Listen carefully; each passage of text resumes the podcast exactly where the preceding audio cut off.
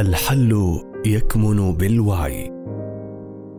إنتاج منصة عصر السلام لنشر الوعي الذاتي وعلوم التنمية البشرية.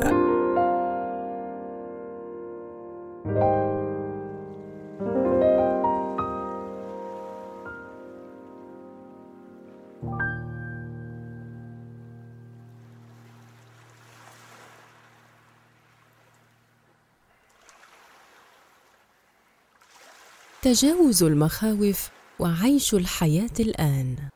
للكاتب يونس مدون بمنصة عصر السلام. دائما ما يطرح سؤال من كثير من متابعي التنمية الذاتية. كيف أحرر خوفي من حدوث شيء ما؟ مرض، عجز، فقد، فقر، ترك، فقدان. قد يكون السؤال بسيطا لكنه بالنسبة للسائل يشكل معضلة. إذ لا تنفك الصورة الذهنية للاحتمال المرفوض والمخيف بالنسبة له عن إزعاجه والظهور أمام عينيه. وربما تصل أن تكون هاجسا له أربعة وعشرين ساعة في اليوم. التعامل مع الخوف يتم توظيف فنون التنمية الذاتية أحيانا كهروب من الاحتمالات المخيفة. مثل الاهتمام المفرط بقانون الجذب للتحكم بالواقع. صاحب المشكلة هنا لا يريد مواجهة رفضه أو خوفه من شيء ما. فيبحث عن وصفة سحرية كمدرب أو أمسية حتى يجد ضمانا خارجيا يؤمنه من عدم حدوث ما يخاف منه. وغالبا ما يفشل الأمر ما لم يتم التعامل معه من الداخل اولا. فأنت تعلم أن الذي يخاف من الفقر فإن أي كمية من المال لن تجعل خوفه يختفي. لذلك فإن الحل ليس من الخارج ابدا. الأهداف طبعا هي مطلوبة وليست خطا لكن الخطأ يكمن في أن يكون دافعك هروبا من مشاعر منخفضة. في العمق مشكلتك ليست مع الاحتمال الذي تخافه لكن ما ترغب في تجنبه هي مشاعرك في حالة وقوع الاحتمال المرفوض. تخيل أنه حدث فعلا ولاحظ ما هي المشاعر التي ستظهر لك. فقد تحزن على نفسك أو تشعر بالحرمان أو تشعر باليأس أو بالتأنيب والغضب. أنك لم تقم بالمجهود الكافي أو تشعر بأنك مظلوم أو عاجز أو قد يظهر لك خوف جديد. تستطيع اكتشاف ذلك بنفسك بمجرد تخيل الاحتمال. قم بالتحرر من هذه المشاعر لأنها موجودة فيك الآن. كيف تتأكد من مناسبة الحل وأنك نجحت في التحرر؟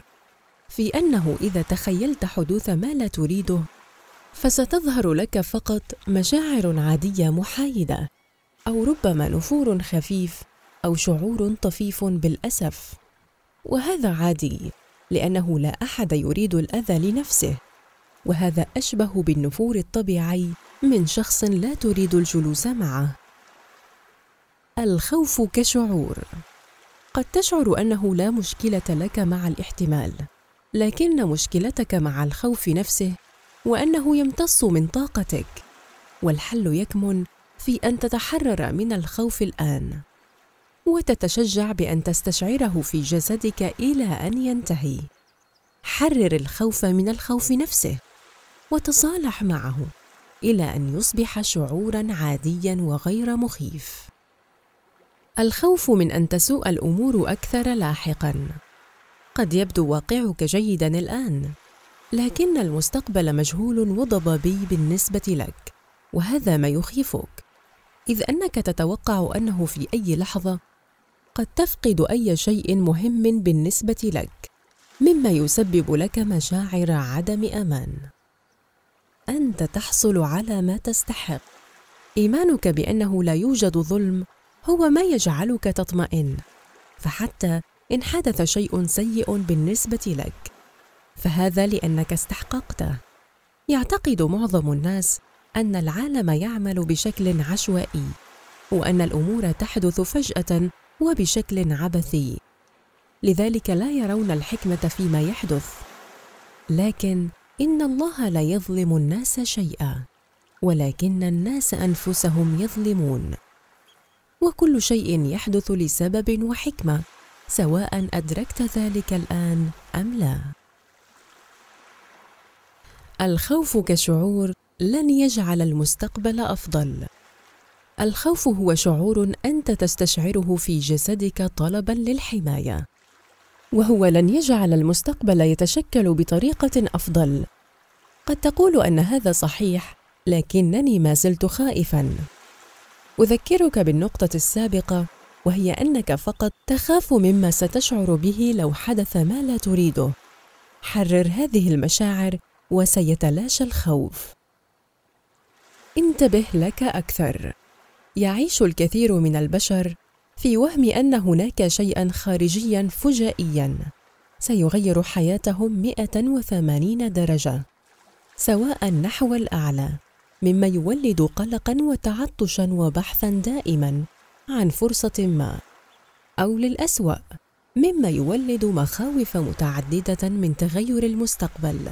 التعلق بالتغيرات الخارجية على أنها مصدر تعتمد عليه شعوريا دليل عدم معرفتك بذاتك وعيشك في الخارج أكثر بكثير من داخلك.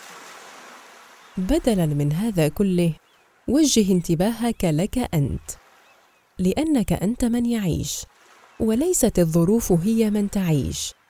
فحياتك تعتمد عليك أنت كروح. ماذا تريد أن تشعر؟ وماذا تختار؟ وليس على الظروف لأن الظروف متغيرة دائما. ركز فأنت الذي يعيش بدل انتظار الظروف الملائمة لعيشها لأنك أنت من يختبر الحياة. إن توقع أن الخارج يسبب امانا أو غيرها من المشاعر التي تريدها هو ما يجعلك مستعبدا للظروف وهو ما يسبب التعلق بتوفير ظروف معينة حتى تشعر أنك بخير وبفقدانها تشعر أنك فاقد للاتزان. إليك هذا التمرين البسيط والفعال في العودة للذات. تخيل أنك فقدت كل شيء من أنت حينها؟ تخيل أنك حصلت على كل شيء. من أنت حينها؟ ستكتشف أنك على مستوى الروح أو الذات الحقيقية دائما موجود سواء ساءت الظروف أم تحسنت. كن أنت هذا الواعي المراقب ولا تتماهى مع الاحتمالات التي تعيشها حتى لا تفقد ذاتك فيها.